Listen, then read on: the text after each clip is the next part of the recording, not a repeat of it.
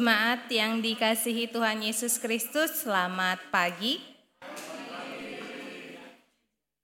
Puji syukur kita panjatkan kehadirat Tuhan yang Maha Kuasa, karena begitu besar kasihnya kepada kita semua.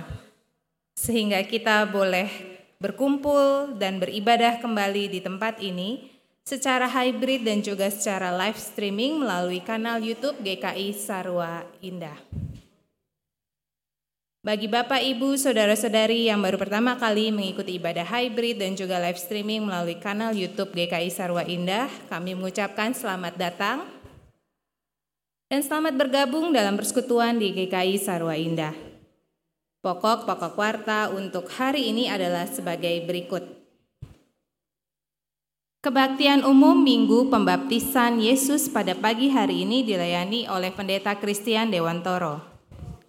Kebaktian remaja dilaksanakan secara onsite pada hari ini, Minggu 7 Januari 2024 pada pukul 8 pagi dengan tema In God We Trust. Pelayan firman adalah Penatua Tri Surya Maharani Pasaribu dengan majelis pendamping Penatua Nasib M. Sipahutar. Bertempat di ruang ibadah remaja Sekolah Nusa Indah, mohon perhatian jemaat. Bidang persekutuan dan keesaan akan kembali melaksanakan PA online pada hari Kamis tanggal 7 tanggal 11 Januari 2024 pada pukul 19.30 dengan tema Tubuhku untuk Dia, pelayan firman Pendeta Christian Dewantoro dengan majelis pendamping Penatua Rosmina Daily, MC Bapak Imade Agustinus, dan bertempat di Zoom virtual meeting. Mohon perhatian dan partisipasi jemaat. Persekutuan doa pagi juga akan kembali dilaksanakan pada hari Sabtu tanggal 13 Januari 2024 pada pukul 6 pagi dilayani oleh pelayan firman Pendeta Christian Dewantoro dengan majelis pendamping Penatua Benyamin Gana Tangke dengan piket Penatua Erudi Rustam Simanjuntak dan Penatua Tri Surya Maharani Pasaribu bertempat di Zoom virtual meeting. Mohon perhatian dan partisipasi jemaat. Berita sukacita telah lahir Kaleb Kristofelo Elohim Amalo putra kedua dari Bapak Samuel Yohanes Suryandaro Amalo dan Ibu Kezia Emanuela Takaria pada hari Selasa 2 Januari 2024. Majelis Jemaat dan Simpatisan GKI Sarwa Indah mengucapkan turut berbahagia Tuhan Yesus memberkati. Bidang kesaksian dan pelayanan kembali akan melaksanakan pelayanan di PWK Hana pada hari Kamis 11 Januari 2024 pada pukul 10 pagi di ruang ibadah PWK Hana dengan pelayan firman Penatua Immanuel Marino dengan majelis pendamping Penatua Wahyu Kristianti dan MC Ibu Juliana M. Buki dengan piket Komisi Diakonia. Tuhan memberkati pelayanan kita. Demikian pokok-pokok warta untuk hari ini. Segenap majelis jemaat mengucapkan selamat beribadah. Tuhan memberkati.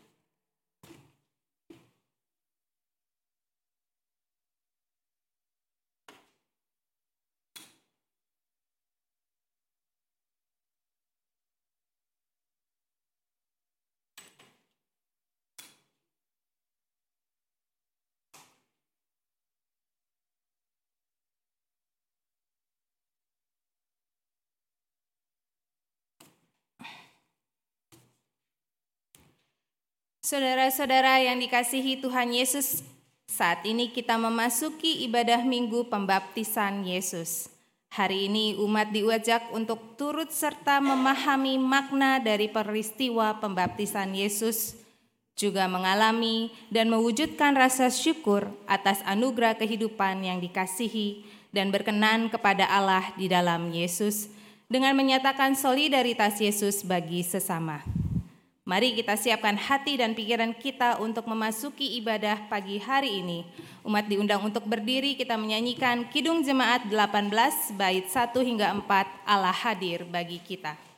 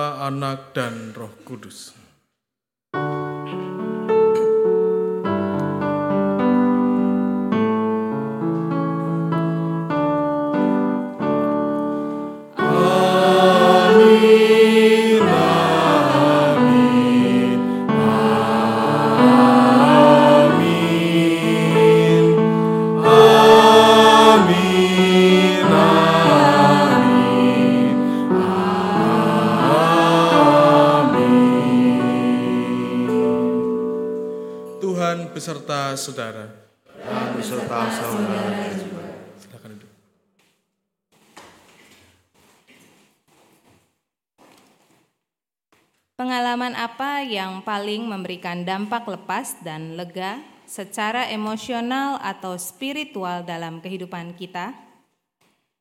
Dan sebaliknya, perasaan apa yang sangat menyiksa batin dan berpotensi merusak kehidupan? Jawabannya adalah pengalaman dan perasaan yang berhubungan dengan dosa dan rasa bersalah kita akan merasakan kebahagiaan dan kelepasan luar biasa ketika kita yakin dosa-dosa kita sudah diampuni dan melam dan sebaliknya ketika betapa tersiksanya ketika kita apabila masih hidup dalam tekanan tuduhan dan rasa bersalah. Kesalahan dan rasa bersalah adalah dua hal yang berbeda. Kesalahan adalah fakta objektif terjadinya pelanggaran terhadap hukum Allah.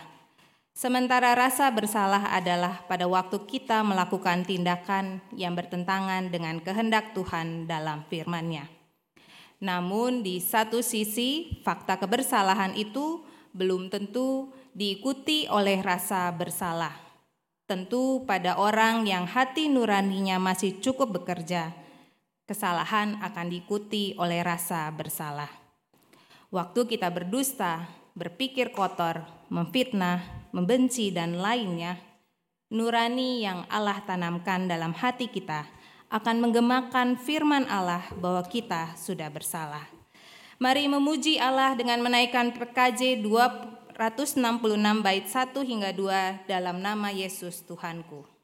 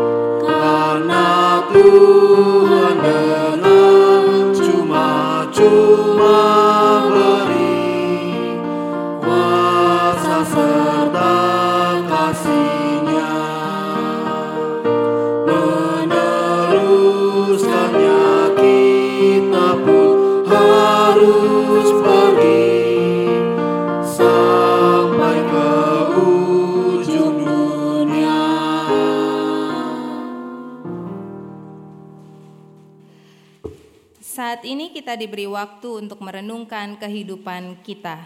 Sudahkah ada pemulihan? Dengan mengingat bahwa Kristus akan datang untuk kedua kali pada saat yang tidak kita ketahui, sudahkah kita mempersiapkan diri untuk menyambut Dia? Masih adakah lembah yang harus ditutupi? Masih adakah gunung dan bukit yang harus diratakan? Mari kita datang kepada Kristus dengan memegang bahwa dalam iman dan pertobatan sejati, kasih Yesus memberikan pengampunan dosa. Betapa indahnya. Mari kita mengaku segala salah dan dosa kita dalam doa. Umat diberikan waktu untuk berdoa secara pribadi, lalu saya akan menutup dalam doa pengakuan dosa. Mari kita berdoa.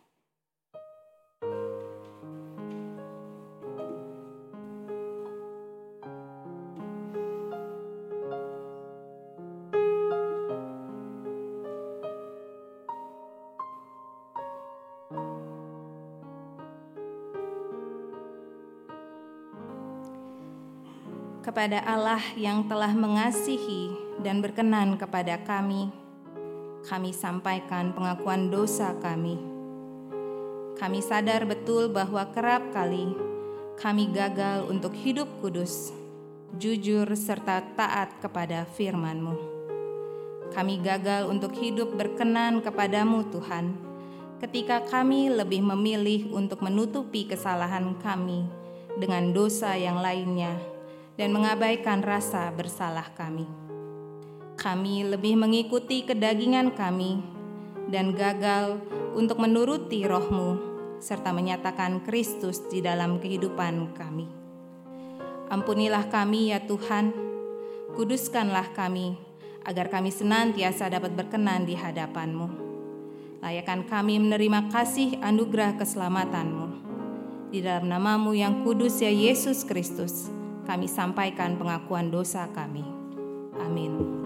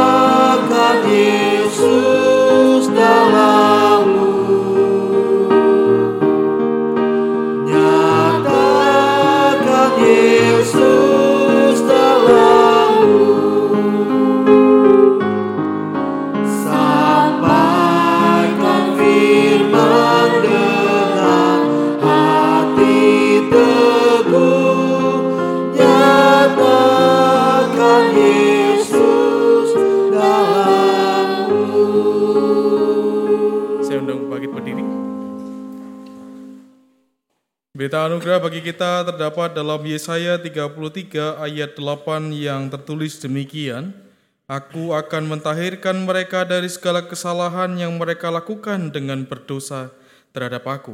Dan aku akan mengampuni segala kesalahan yang mereka lakukan dengan berdosa dengan dan dengan memberontak terhadap aku. Demikianlah berita anugerah dan petunjuk hidup baru dari Tuhan. Syukur kepada Allah.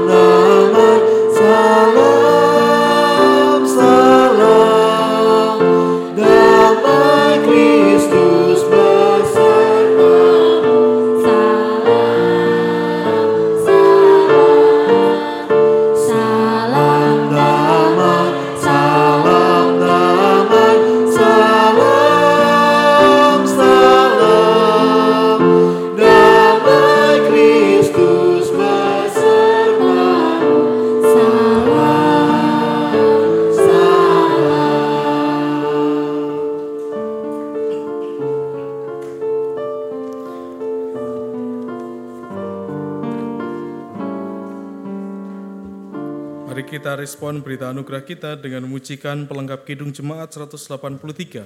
Mari sebarkan Injil.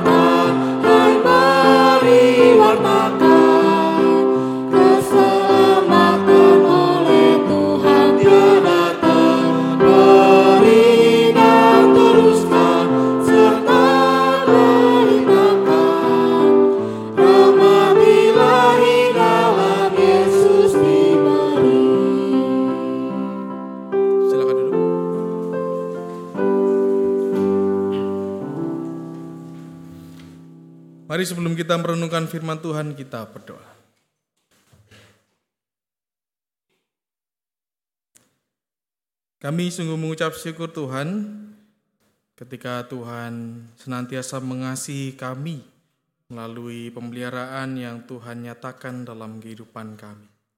Tak terasa sudah tujuh hari kami melewati tahun 2024 ini. Ada banyak hal yang sudah kami rasakan sebagai wujud kasih dan pemeliharaan Tuhan.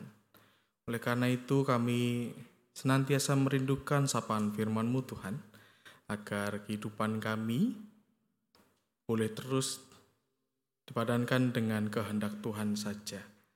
Agar dalam kehidupan kami, kami juga mengerjakan kebenaran dan memuliakan namamu.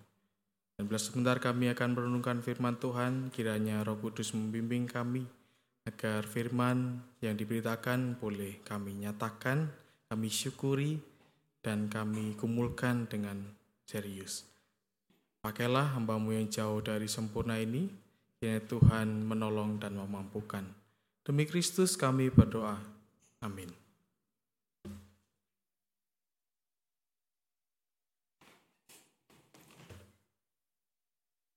Pembacaan kitab diambil dari Kejadian pasal 1 ayat 1 sampai dengan ayatnya yang kelima. Kejadian pasal 1 ayat 1 sampai dengan ayatnya yang kelima.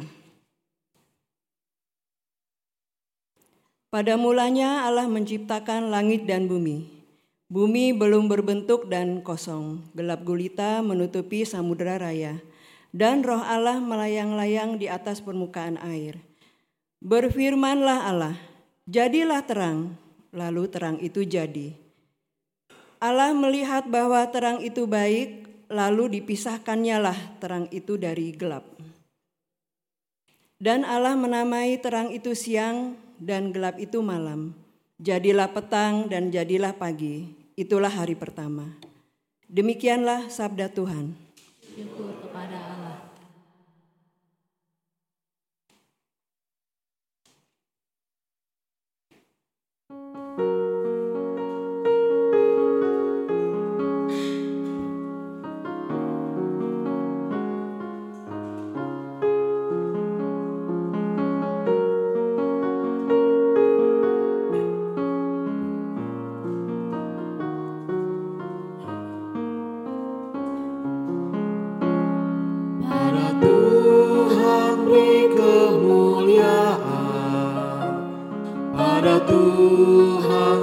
saja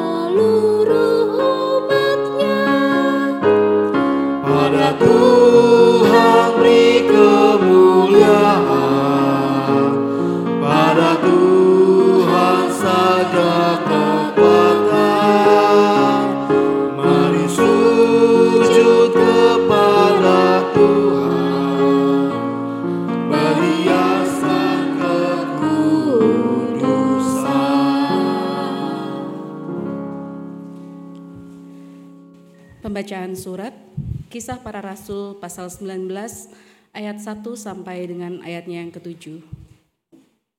Kisah Para Rasul pasal 19 ayat 1 sampai dengan ayatnya yang ketujuh. Ketika Apolos masih di Korintus, Paulus sudah menjelajah daerah-daerah pedalaman dan tiba di Efesus. Di situ didapatinya beberapa orang murid. Katanya kepada mereka, "Sudahkah kamu menerima Roh Kudus ketika kamu menjadi percaya?" Akan tetapi mereka menjawab dia, "Belum. Kami belum pernah mendengar bahwa ada Roh Kudus."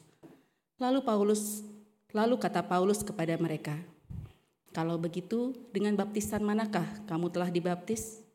Jawab mereka, "Dengan baptisan Yohanes." Kata Paulus, "Baptisan Yohanes adalah pembaptis pembaptisan orang yang telah bertobat dan ia berkata kepada orang banyak bahwa mereka harus percaya kepada Dia yang datang kemudian daripadanya, yaitu Yesus." Ketika mereka mendengar hal itu, mereka memberi diri mereka dibaptis dalam nama Tuhan Yesus. Dan ketika Paulus menumpangkan tangan di atas mereka, turunlah Roh Kudus ke atas mereka, dan mulailah mereka berkata-kata dalam bahasa roh dan bernubuat. Jumlah mereka adalah kira-kira 12 orang. Demikianlah sabda Tuhan. Bacaan Injil kita diambil dari Injil Markus pasal 1 ayat 4 sampai 11. Injil Markus pasal 1 ayat 4 sampai 11. Demikianlah firman Tuhan. Demikianlah Yohanes Pembaptis tampil di padang gurun dan memberitakan baptisan tobat untuk pengampunan dosa. Maka berdatanganlah kepadanya orang-orang dari seluruh daerah-daerah Yudea dan semua penduduk Yerusalem. Dan sambil mengaku dosanya, mereka dibaptis olehnya di sungai Yordan. Yohanes memakai jubah bulu unta dan ikat pinggang kulit, dan makanannya belalang dan madu hutan. Ia memberitakan demikian, Sesudah aku akan datang ia yang lebih berkuasa daripada aku. Membungkuk dan membuka tali kasutnya pun aku tidak layak. Aku membaptis kamu dengan air, tapi ia akan membaptis kamu dengan roh kudus. Pada waktu itu datanglah Yesus dari Nazaret di tanah Galilea, dan ia dibaptis di sungai Yordan oleh Yohanes.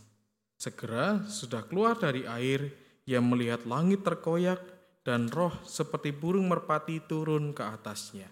Lalu terdengarlah suara dari surga, Engkaulah anakku yang terkasih, kepadamulah aku berkenan. Demikianlah Injil Yesus Kristus yang berbahagia adalah kita yang boleh memelihara dan melakukannya dalam kehidupan hari lepas hari. Haleluya. Bapak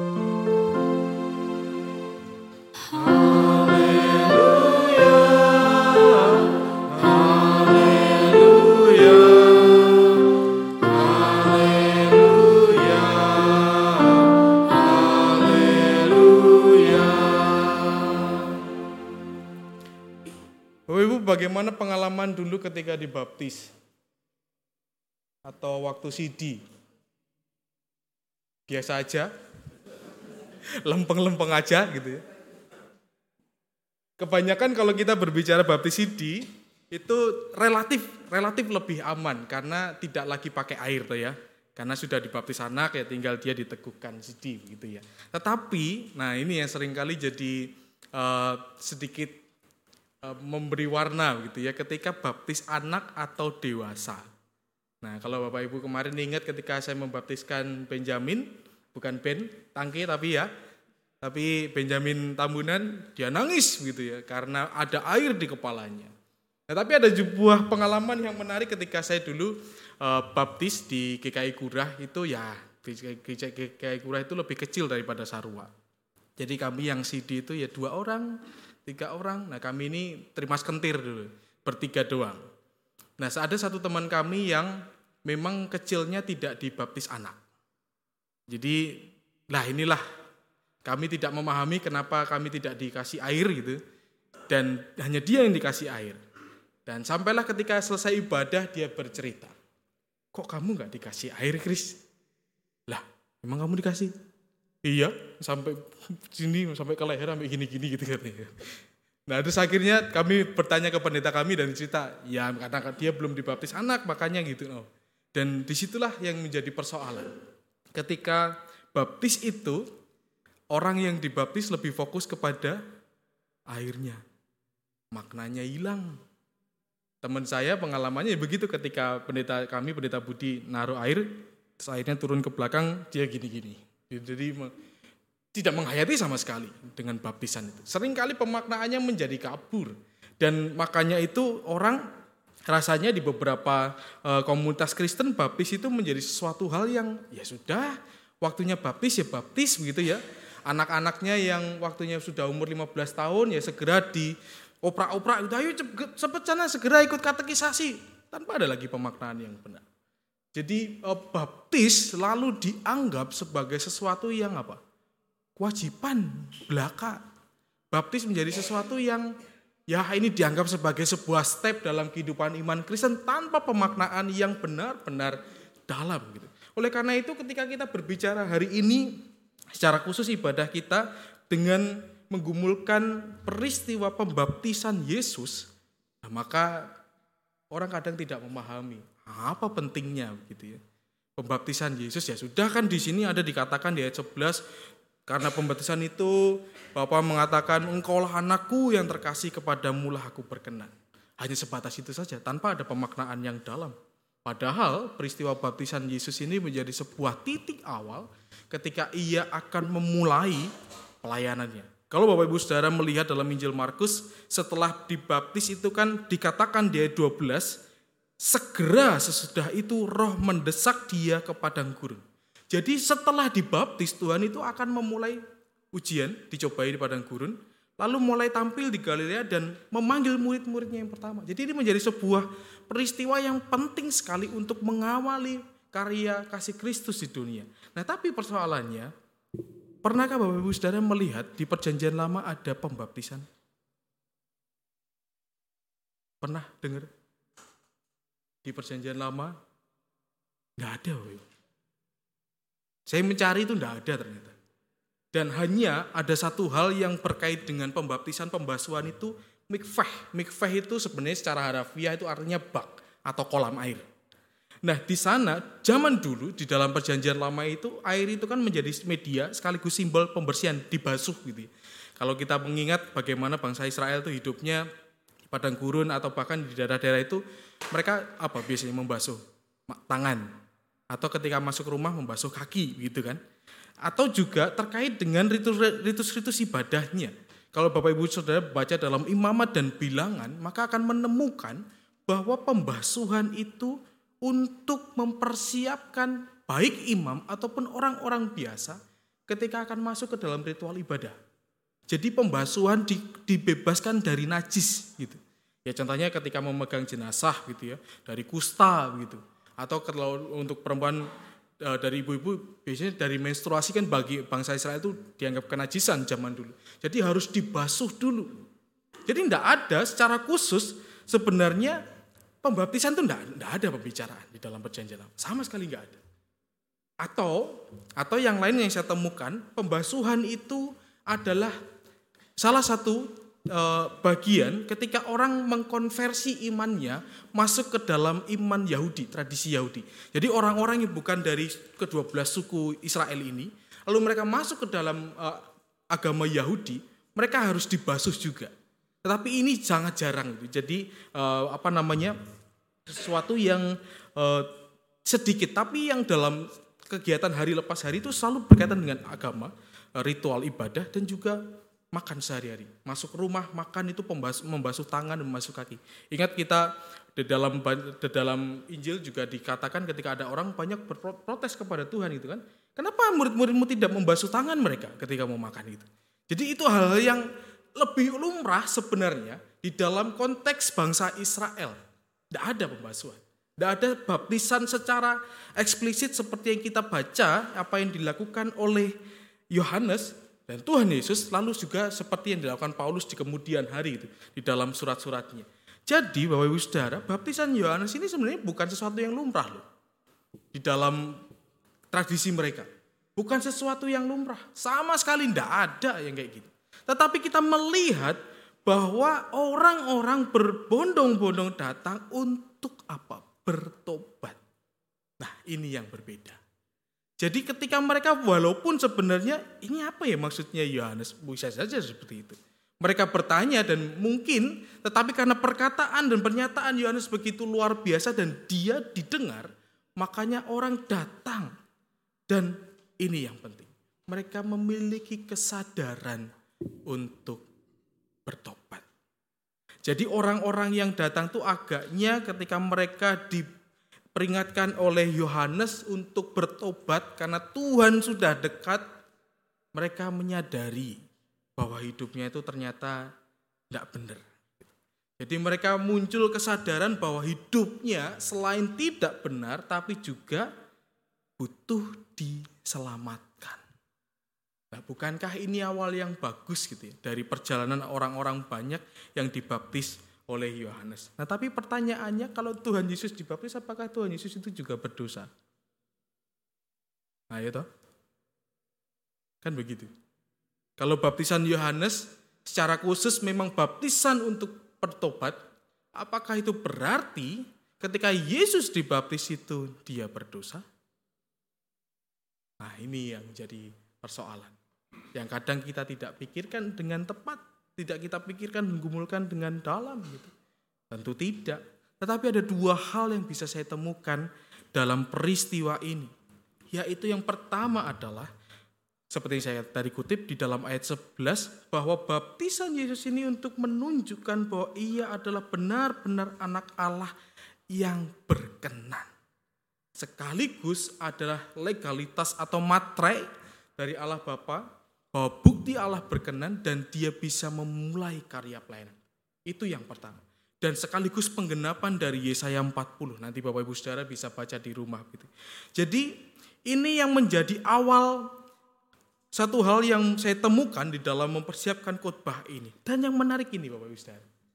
Kita melihat bahwa ketika Tuhan Yesus dibaptis ada orang-orang di sana kan. Orang-orang yang berdosa tapi bertobat itu menjadi saksi. Wah ini loh yang menarik. Yang saya saya temukan ketika saya menggumulkan betul firman ini, wah berarti secara tidak langsung orang-orang yang hidupnya mungkin dulu tidak benar, hidupnya mungkin dulu berantakan, kacau, nggak jelas gitu ya. Tetapi karena dia mendengarkan apa yang dikatakan Yohanes Pembaptis, dia menjadi saksi bahwa Yesus adalah benar-benar anak Allah. Secara tidak langsung mereka menjadi saksi pertama siapa itu Tuhan. Orang-orang yang Bayangkan, polanya mirip ya. Kalau kemarin kita di Natal berbicara tentang gembala, orang yang tidak dianggap. Dan sekarang Tuhan memakai, walaupun mungkin memang tidak tertulis secara langsung, bagaimana karya mereka setelah bertobat gitu. Tetapi orang-orang itu dipakai Tuhan, orang-orang yang tidak layak itu, yang berdosa, tapi mau bertobat untuk menjadi saksi yang pertama. Nah, bukankah ini sebuah pengalaman iman yang luar biasa begitu ya?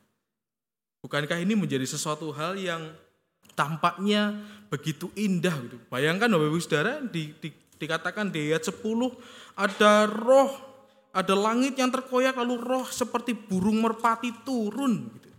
Sebuah peristiwa teofani, penampakan Allah yang begitu luar biasa kepada orang-orang yang berdosa. Rasanya kalau kita melihat itu menjadi pengalaman pribadi kok saya yakin betul kita bertobatnya beneran gitu. Gak cuman tobat soto babat gitu ya, tapi bener-bener yang tobatnya itu wah mengingat itu tuh menjadi sesuatu pengalaman iman yang begitu luar biasa. Lalu yang kedua yang saya temukan adalah kenapa Tuhan ini dibaptis adalah salah satu wujud apa? Tuhan berbela rasa dengan orang yang berdosa. Tapi, nah ini ada tapinya yang bertobat. Bukan hanya sekedar yang berdosa. Semua orang berdosa. Tetapi orang berdosa yang bertobat. Tuhan berbela rasa untuk itu. Apa maknanya? Tuhan menempatkan dirinya setara loh.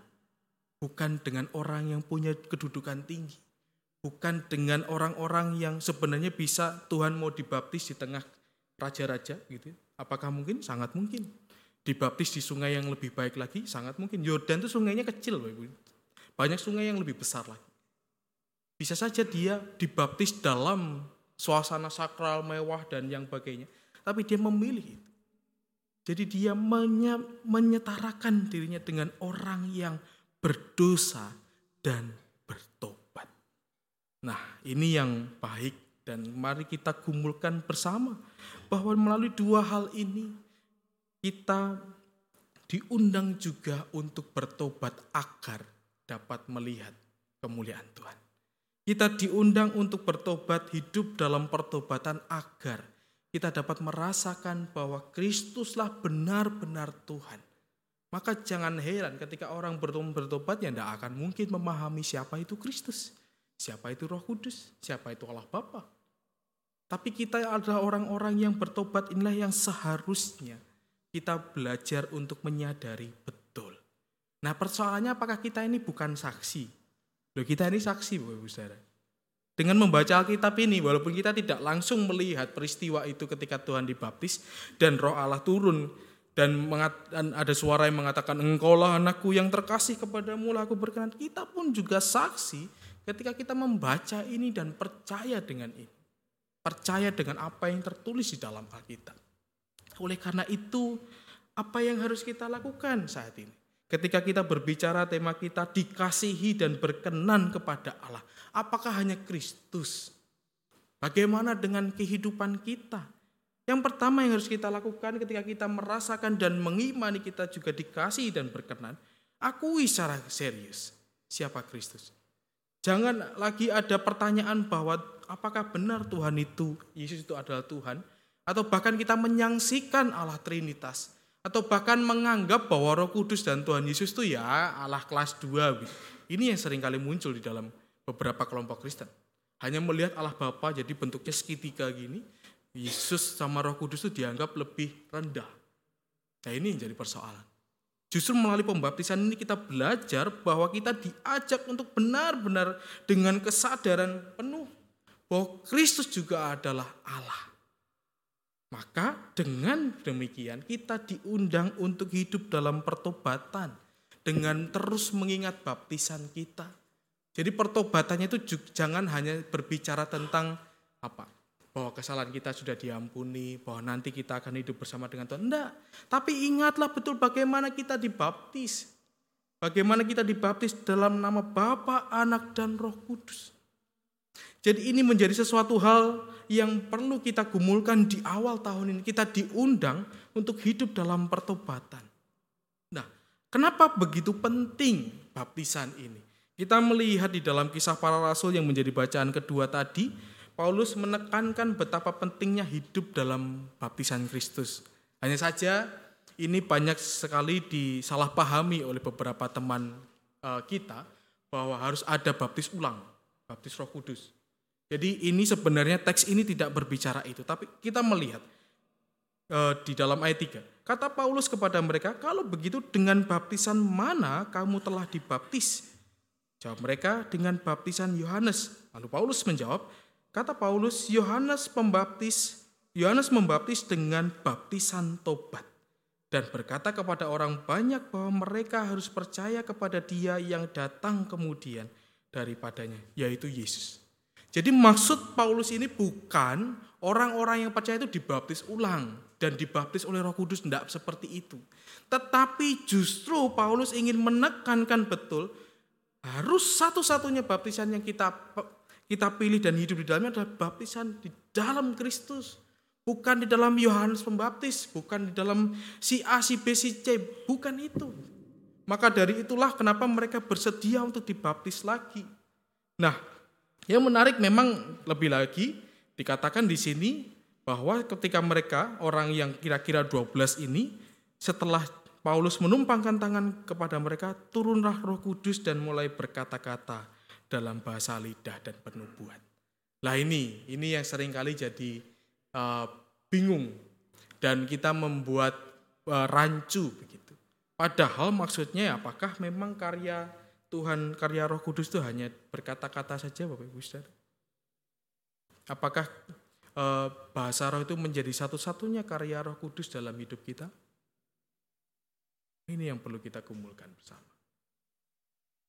Itu berarti secara tidak langsung Paulus mengatakan apa yang dikatakan ditulis dalam kisah Rasul ini bahwa seharusnya orang yang sudah dibaptis dalam nama Bapa, Anak dan Roh Kudus itu hidupnya dipimpin Roh Kudus. Sebenarnya sederhananya seperti itu. Tidak hanya tentang berbicara bahasa roh. Kalau Bapak Ibu Saudara punya karunia itu ya puji Tuhan. Tidak ada masalah dengan itu. Sama sekali.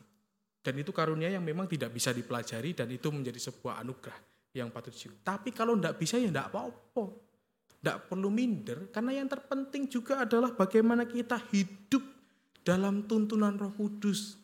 Hidup dalam penyertaan dan pertolongan Roh Kudus.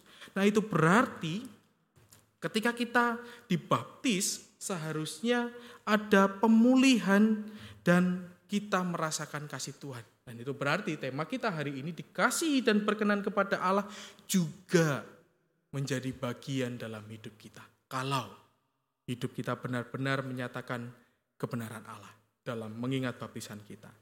Nah, memang untuk menyapai titik ini tidak mudah Bapak Saudara, karena itu tadi yang saya katakan di depan.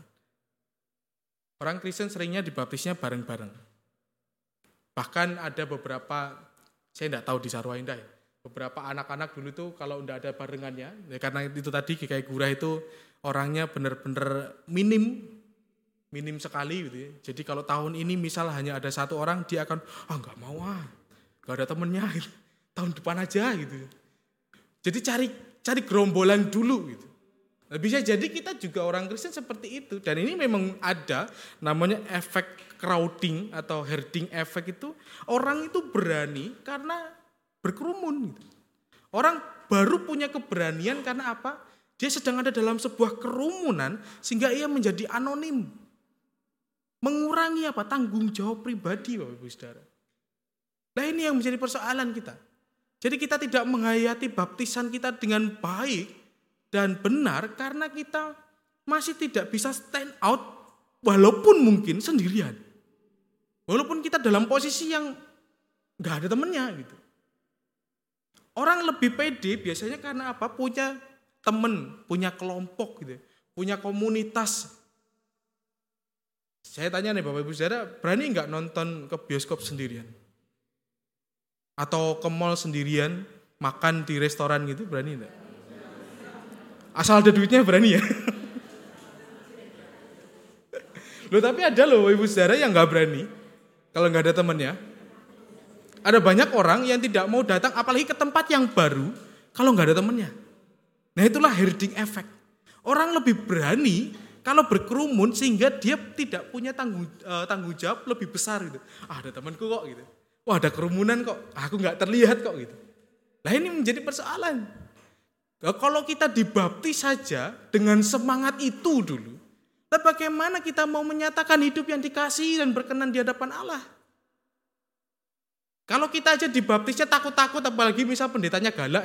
Ya semoga anak-anak remaja kita tidak melihat saya galak sih. Dan juga para pengajar katekisan galak. Tidak ada tuh ya Pak Edwin, Pak Marino. Kita baik-baik semua tuh ya. Kita lemah lembut dan juga penuh kasih mengampuni mereka kalau tidak mengerjakan tugas. Jadi itulah yang menjadi persoalan kita saat ini. Orang-orang Kristen di Indonesia. Kita tidak berani untuk berdiri sendiri walaupun dihantam banyak hal. Tapi kita tahu sebenarnya itu pun benar. Nah saya rasa menyatakan hidup yang dikasih dan berkenan kepada Allah itu yaitu dulu Bapak Ibu Saudara. Enggak perlu yang muluk-muluk dulu, tetapi kan bagaimana kita berani menjadi orang yang benar-benar hidup di dalam Tuhan walaupun walaupun kita dimusuhi. Walaupun kita ditolak dan dianggap sok Kristen. Dianggap sok beriman. Dianggap sok suci gitu. Dianggap sesuatu dianggap menjadi seseorang yang angel gitu ya. Nggak bisa diatur dan sebagainya. Nah inilah yang perlu kita gumulkan bersama. Apakah pertobatan yang kita nyatakan selama ini benar-benar adalah pertobatan yang berangkat dari kesadaran pribadi atau hanya karena ikut-ikutan. Kalau orang Jawa Timur bilang pupuk bawang gitu ya. Babah elon-elon gitu. Cuman ikut-ikutan saja tanpa ada kesadaran. Oleh karena itu mari kita renungkan bersama. Ketika kita menggumulkan tema dikasihi dan berkenan kepada Allah, maukah kita tetap berani hidup dalam kebenaran bila lingkungan kita berlaku sebaliknya? Lalu yang kedua, mari kita periksa diri kita. Apakah pertobatan kita ini ketika kita dibaptis ya sudahlah ya kalau dulu namanya anak remaja takut dan sebagainya ya sudah enggak perlu lagi dibaptis lagi enggak perlu lagi tapi marilah kita renungkan kembali apakah pertobatan kita saat ini benar-benar karena Allah yang mendorong kita. Karena benar-benar kita menemukan kebenaran Allah dan kasih Allah. Atau hanya sekedar kita ini sedang membiu dengan komunitas kita. Karena bahaya. Bayangkan kalau misal di Sarwa Indah persekutuannya baik mengerjakan kebenaran penuh begitu ya. Lalu kita pindah ke persekutuan lain yang persekutuannya nggak melakukan dengan baik. Maka identitas yang kita bawa dari Sarwa ini pasti akan hilang. Percayalah. Kalau kita hanya sekedar membeo, maka ketika kita di sana kita jadi merah, di sini jadi hijau, di sini jadi kuning, sana jadi biru. Tidak punya pendirian sama sekali. Tapi kalau kita benar-benar berangkat dari pertobatan karena dorongan Allah sendiri, maka kita pun juga akan punya identitas yang kuat, punya sikap yang kuat. Tapi bukan berarti tegar tengkuk beda loh ya. Ini bedakan loh Bapak Ibu Saudara. Bukan berarti tegar tengkuk yang pokoknya itu enggak. Tapi kita tahu persis nilai apa yang kita pegang. Tahu persis apa yang Tuhan kehendaki dalam hidup kita dan pegang itu. Kerjakan itu. Walaupun mungkin dunia menolak kita. Maka baptisan kita akan bisa kita hayati sebagai apa? Wujud bahwa dosa kita diampuni. Dan Allah berkenan kembali kepada hidup kita. Sekaligus hidup dalam baptisan Allah adalah sebuah hal yang sangat penting karena bisa membuat kita apa? Terus mengingat bahwa kasih Allah adalah hadir di dalam hidup kita. Jadi melalui baptisan ini jangan hanya dulu ketika kita masih remaja, lalu sekarang tidak bermakna lagi. Tidak. Tapi marilah kita melihat baptisan kita sebagai suatu hal yang itu titik berangkatnya. Dan kita mau berkarya bagi dunia. Seperti Kristus setelah dia dimeteraikan, dia mendapatkan perkenanan dari Allah, dia mengerjakan karya sampai di kayu salib. Jadi pertanyaannya yang perlu kita jawab dan kita gumulkan adalah apakah kita akan tetap menyia-nyiakan kasih dan perkenanan Allah dalam hidup kita? Atau kita mau belajar berubah? bahwa kasih dan perkenanan Allah ini adalah sesuatu yang penting yang tidak bisa kita buat main-main. Tuhan berkati.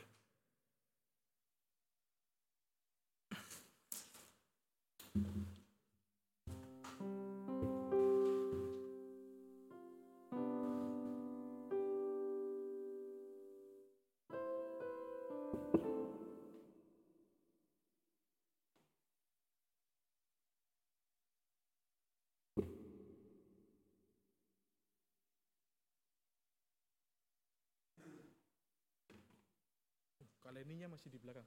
Oh iya, sebentar. Kita saat hening sejenak.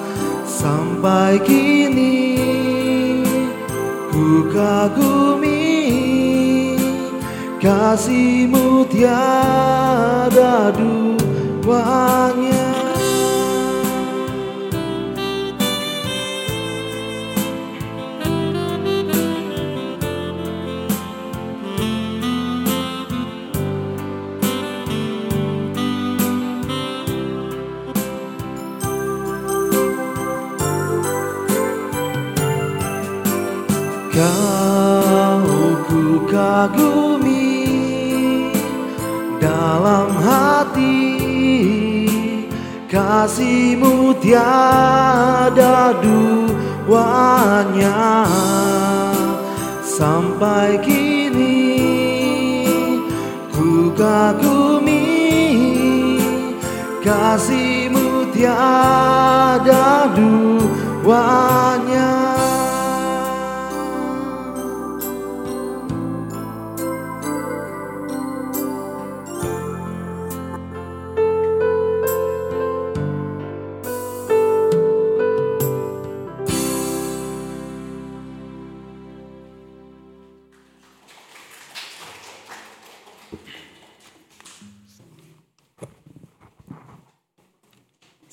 Saya undang jemaat untuk bangkit berdiri.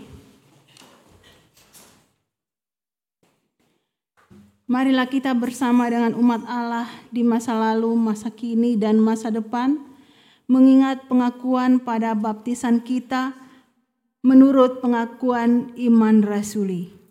Aku percaya kepada Allah, Bapa yang Maha Kuasa, Kali langit dan bumi, dan kepada Yesus Kristus, Anak yang tunggal Tuhan kita, yang dikandung daripada Roh Kudus, lahir dari anak darah Maria, yang menderita sengsara di bawah pemerintahan Pontius Pilatus, disalibkan, mati dan dikuburkan, turun ke dalam kerajaan maut. Pada hari yang ketiga, bangkit pula dari antara orang mati, naik ke surga, duduk di sebelah kanan Allah, Bapa yang Maha Kuasa. Dan dari sana ia akan datang untuk menghakimi orang yang hidup dan yang mati. Aku percaya kepada Roh Kudus, gereja yang kudus dan am, persekutuan orang kudus, pengampunan dosa, kebangkitan orang mati, dan hidup yang kekal. Amin.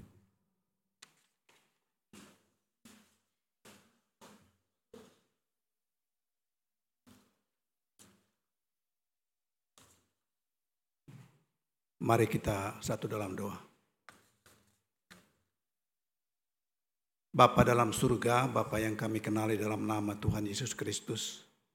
Kembali kami datang ke hadiratmu Tuhan untuk mengucap syukur dan berterima kasih atas kebaikan-Mu dalam mem- memelihara, membangkitkan, atau membuat jemaat di GK Sarwa Indah ini lebih baik daripada kemarin.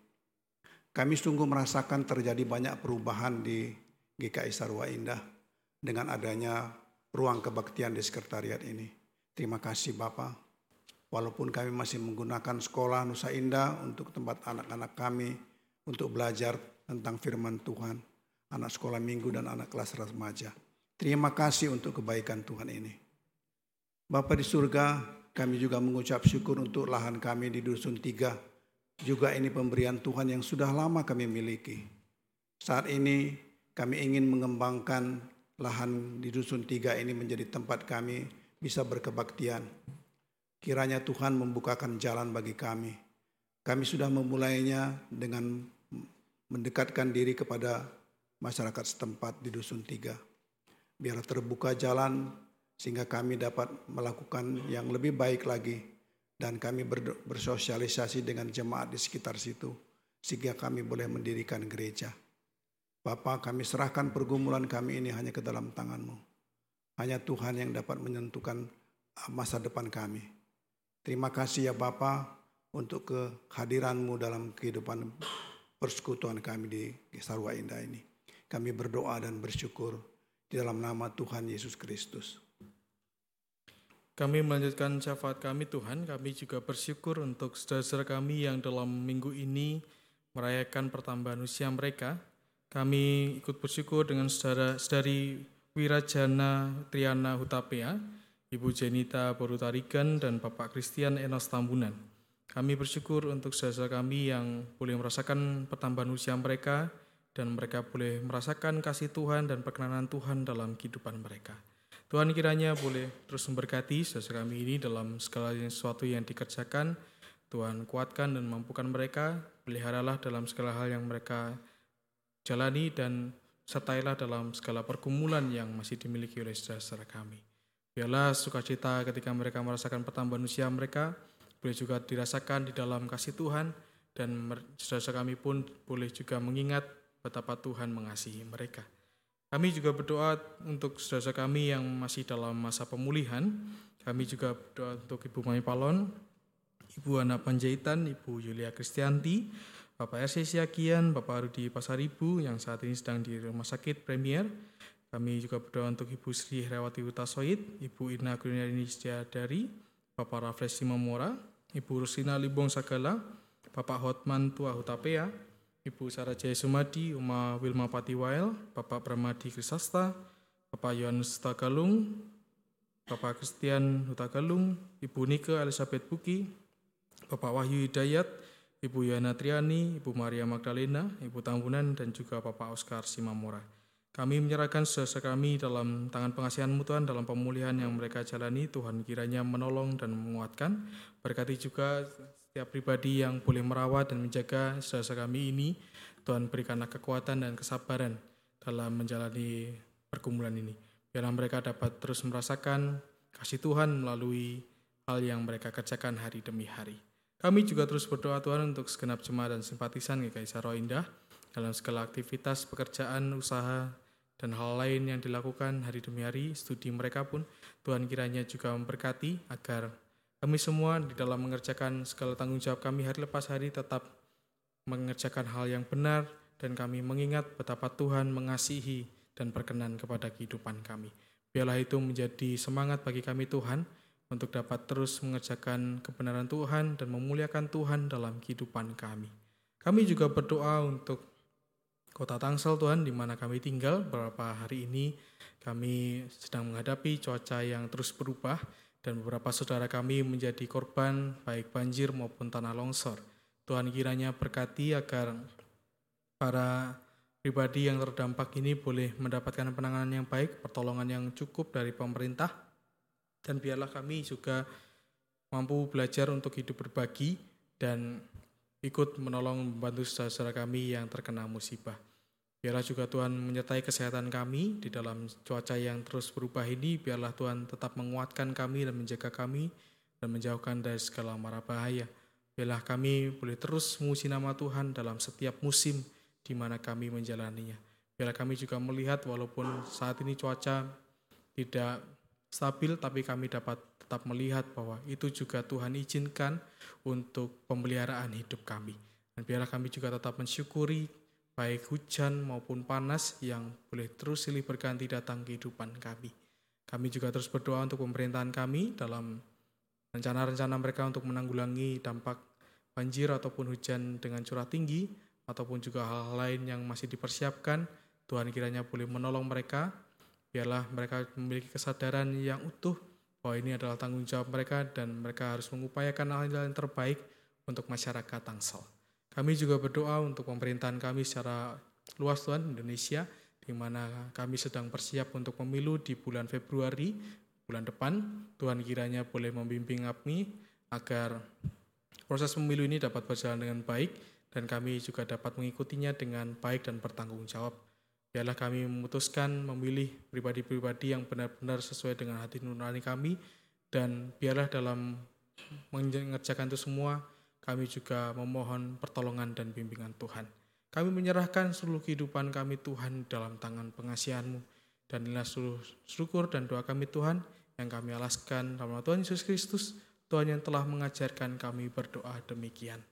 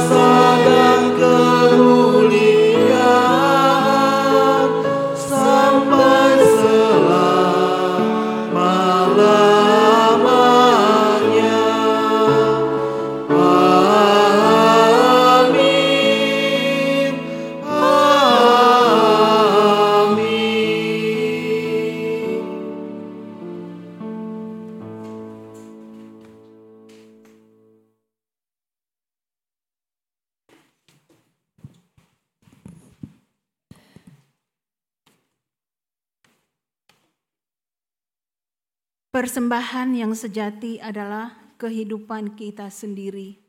Oleh sebab itu, mari kita berikan hidup kita sepenuhnya untuk kemuliaannya.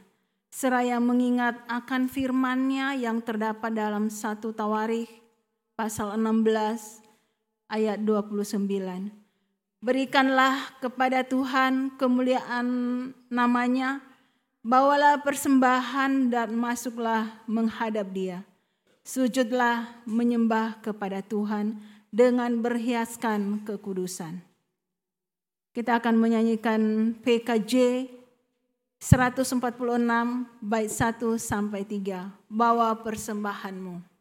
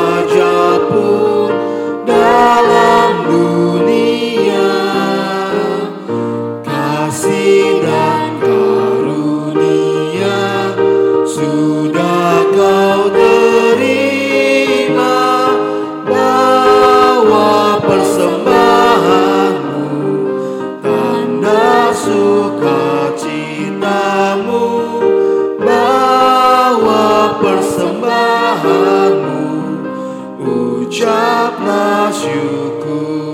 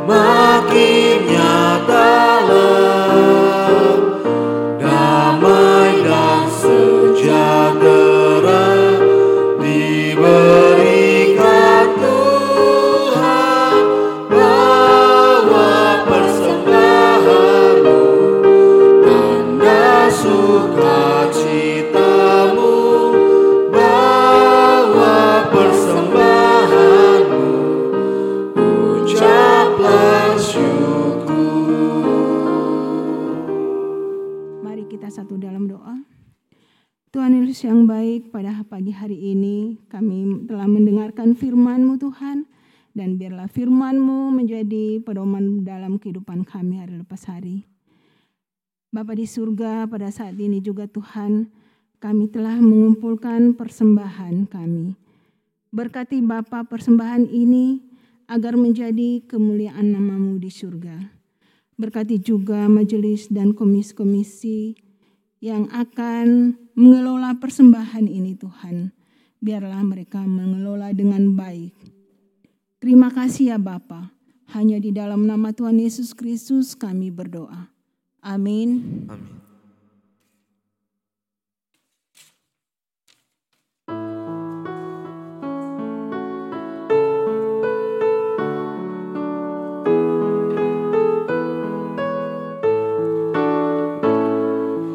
Yesus memanggil, mari segera ikutlah jalan selamat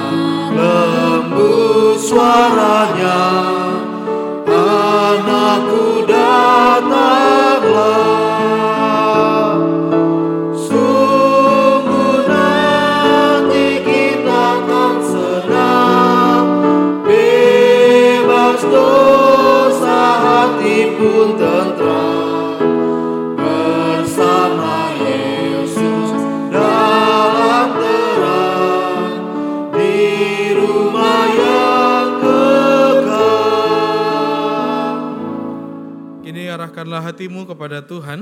Kami menyerahkan hati kepada Tuhan. Jadilah saksi bahwa siapa yang percaya kepadanya akan mendapatkan pengampunan dosa oleh karena namanya. Syukur kepada Allah, Terpujilah Tuhan. kini dan selamanya. Terimalah berkat dari Tuhan. Tuhan berkati engkau dan melindungi engkau. Tuhan menyinari engkau dengan wajahnya dan beri engkau kasih karunia. Tuhan menghadapkan wajahnya kepadamu dan beri engkau damai sejahtera. Amin.